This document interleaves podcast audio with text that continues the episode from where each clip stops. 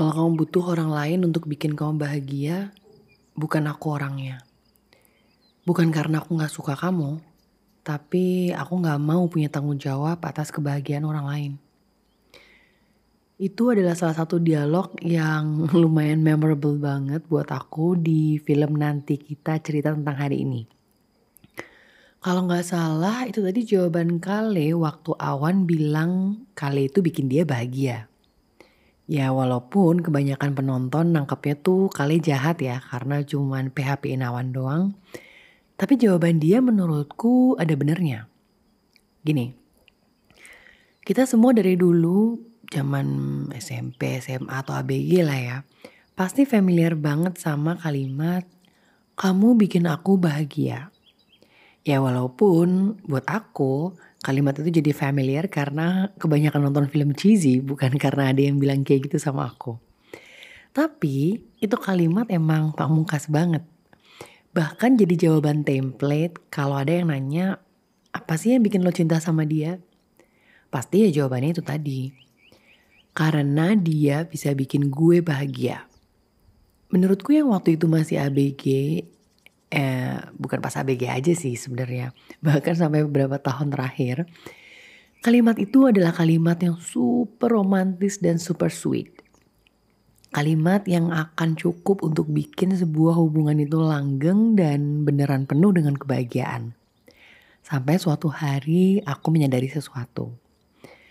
Pernah gak sih kita lihat suami istri atau orang yang pacaran ya, salah satunya tuh baik banget tipe orang yang all out gitu. Yang akan melakukan apa aja untuk membahagiakan pasangannya. Ya setia, ya sabar, pengertian, romantis, semualah udah mentok banget pokoknya. Tapi setelah beberapa tahun menjalin hubungan, berakhir diselingkuhin sama pasangannya. Iya, pasangan yang selama ini mati-matian dia coba untuk bahagiakan. Atau kalau nggak diselingkuhin ya si pasangannya ini minta pisah aja gitu.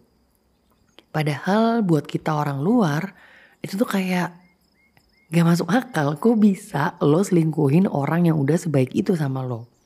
Kalau istilah anak zaman sekarang tuh udah sebutin itu gitu. Apalagi sih yang mau dicari? Atau istrinya udah cantik, pinter, berbakti, bisa mendidik anak-anak dengan baik, menjaga fisiknya, ujung-ujungnya si suami selingkuh sama orang yang kalau dilihat secara kasat mata tuh nggak lebih baik dari istrinya. Apa sih yang mau dicari coba? In the end of the day, semua pasti beralasan karena kamu terlalu baik buat aku. Aku paling sebel sih ya sama kata-kata itu. Bukan, bukan karena aku pernah diomongin kayak gitu. Tapi kalimat itu tuh kayak menghina nalar dan logika gitu loh. Walaupun emang cinta ini kadang-kadang tak ada logika. Coba deh, masuk akal gak sih di logika manusia kebanyakan? Ada orang yang gak mau sama orang yang baik. Nih bahkan ya society aja nih sampai punya peribahasa gini. Sebejat-bejatnya laki kalau menikah pasti bakalan milih perempuan baik-baik. Walaupun aku juga sama sebelnya sama kalimat ini, tapi itu jadi bukti bahwa alasan kamu terlalu baik buat aku itu nggak lebih dari sekedar cover untuk menutupi alasan yang sebenarnya. Jadi menurut lo apa alasan sebenarnya? Simple. Mereka nggak bahagia dengan orang itu. Tapi kan pasangan itu baik banget ya. Mereka kelihatannya bahagia loh. Ada ayam aja selama ini buktinya. Iya emang. Tapi kebahagiaan itu semu. Cuma bikin seneng doang gitu. Tapi gak bisa sampai bikin hati itu ngerasa tenang. Gak bisa bikin dia tuh ngerasa cukup dengan semua yang ada. Jadi mau sebaik dan sehampir sempurna apa pun pasangannya, itu tetap gak akan membuat mereka bahagia. Dan mereka akan terus mencoba mencari kebahagiaan dengan caranya sendiri. Because they actually don't know how to make themselves happy. Mereka nggak tahu gimana caranya untuk bisa membahagiakan dirinya sendiri. Akhirnya antara minta pisah dan memilih untuk sendiri dulu atau ya tadi selingkuh. Terus apakah dengan dia selingkuh atau minta pisah itu terus jadi bahagia gitu? Tentu tidak. Selama dia masih belum bisa membahagiakan dirinya sendiri, ya siklus tadi akan berulang. Waktu itu aku pernah baca wawancaranya Junot, Herjunot Ali ya, yang sekarang lagi viral. Dia ditanya tentang kriteria istri idamannya. Dia bilang gini, gue cari sosok perempuan yang sudah bahagia sama dirinya sendiri sudah enggak terintimidasi sama hal-hal lain. Aku setuju banget dan itu juga yang aku cari di sosok suamiku nanti.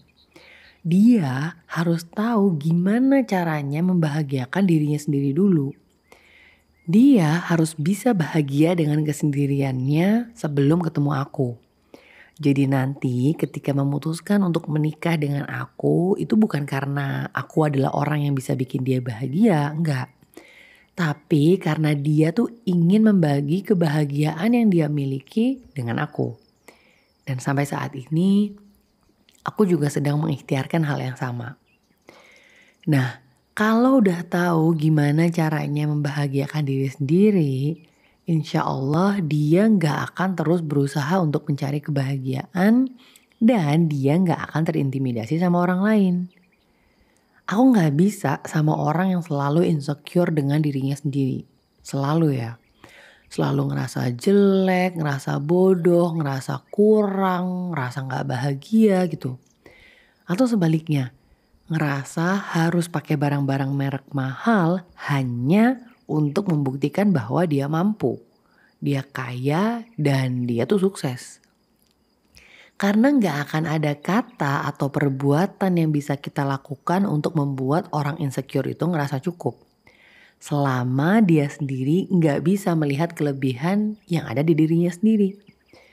Dan kalau dia udah benar-benar bahagia sama dirinya sendiri nih, otomatis nggak akan terintimidasi sama orang lain.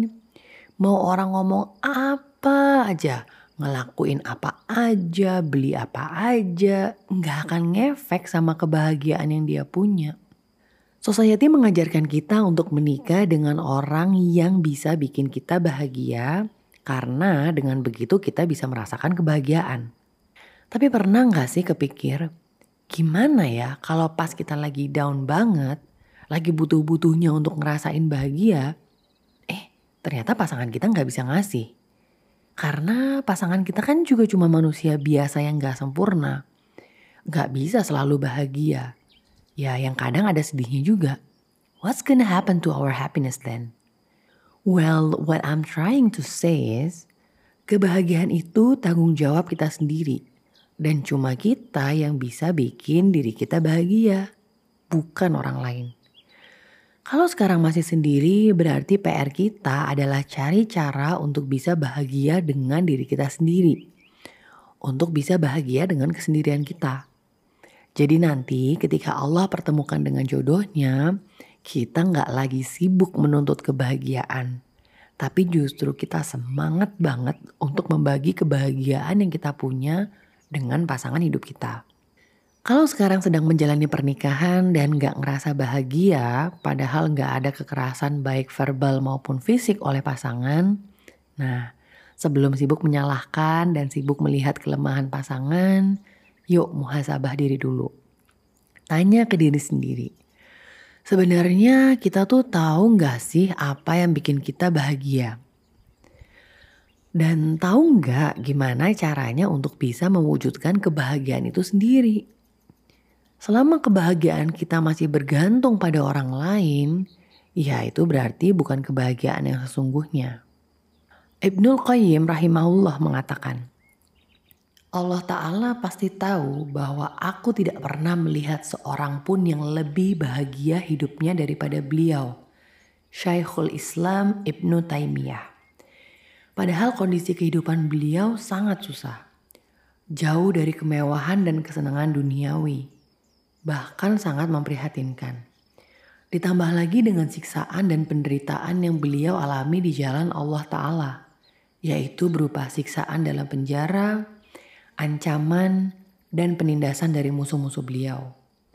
Namun bersamaan dengan itu semua, aku dapati bahwa beliau adalah termasuk orang yang paling bahagia hidupnya, paling lapang dadanya, paling tegar hatinya, dan paling tenang jiwanya. Terpancar pada wajah beliau sinar kenikmatan hidup yang beliau rasakan. Kami, murid-murid Ibnu Taimiyah, jika kami ditimpa perasaan gundah gulana atau muncul dalam diri kami prasangka-prasangka buruk, atau ketika kami merasakan kesempitan hidup, kami segera mendatangi beliau untuk meminta nasihat. Maka dengan hanya memandang wajah beliau dan mendengarkan nasihat beliau, serta merta hilang semua kegundahan yang kami rasakan dan berganti dengan perasaan lapang, tegar, yakin, dan tenang. Setiap orang punya kebahagiaannya sendiri-sendiri. Ada yang receh, ada juga yang complicated. Ini bukan hanya tentang apa yang bisa membuat kita bahagia, tapi lebih lagi. Apa yang bisa membuat kita bahagia bahkan di saat kita ada di titik terendah dalam hidup, saat kita benar-benar merasa sendirian. Kebahagiaan yang gak akan pernah bisa diambil dari kita oleh orang lain. Dan apalagi kalau bukan kebahagiaan karena dekat dengan Allah.